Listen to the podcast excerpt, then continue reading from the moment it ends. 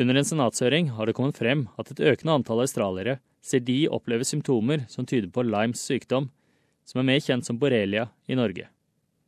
Mange leger har lenge benektet at sykdommen forekommer i Australia, og sier at flått i landet ikke bærer de riktige patogener eller smittebærere. Nå ber forskerne om nye studier for å potensielt omdefinere sykdommen og forbedre behandlingen. Det er en ødeleggende sykdom preget av tretthet, feber og hodepine. Litt som å ha et veldig alvorlig tilfelle av influensa. Smittede med kroniske nivåer av Limes sykdom kan oppleve tap av syd, øresus og alvorlige muskelsmerter og kramper. En pasient, Lisa Gomniek, sier at det verste punktet av hennes sykdom var når hun ikke kunne huske ektemannens navn. I haven't been able to for the last year and a half. Um, I used to cycle 40 kilometres on a Saturday morning. It got to the stage where I couldn't even walk up three steps without having to take a breath. Limes sykdom er vanskelig å diagnostisere fordi folk ofte ikke legger merke til eller ikke husker å ha blitt bitt av en flått. Nå er det et økende antall mennesker som søker antibiotikabehandling for symptomer assosiert med Limes sykdom, og legene er bekymret.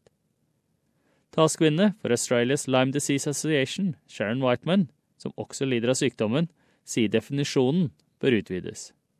Our survey showed that uh, Australian patients are on average 10 years to diagnosis. Internationally, they're broadening the umbrella definition of Lyme disease. So, you know, for us, if they want to call it a different name, it doesn't really matter. What we want is treatment prioritized for patients.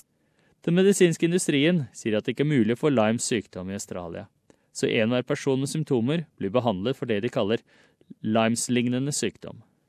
Limes sykdom er forårsaket av borrelia-bakterier som bæres av flått og overføres til mennesker når de biter men definisjonen av sykdommen er basert på den nordamerikanske stammen av borrelia burgdorferi, noe som strengt tatt gjør at alle andre stammer av borrelia-bakterier teknisk sett ikke er Limes sykdom.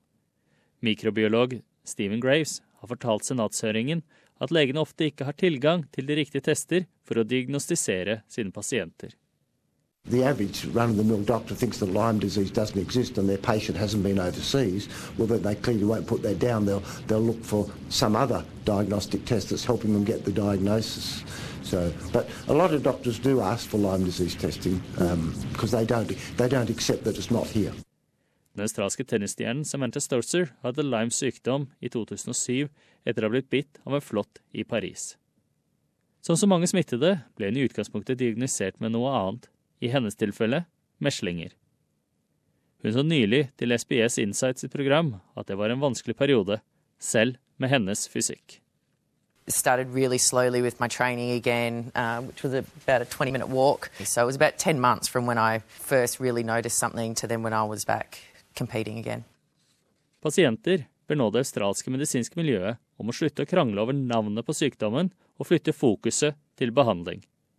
Jesse Chadwick blir nå behandlet for det som er ansett som Limes-lignende sykdom, og han sier at tiden for debatt er over. Stop debating the issue and start actually treating the issue. Us, us patients are the evidence. We have our experiences, and people need to hear these stories because th- there's thousands of them.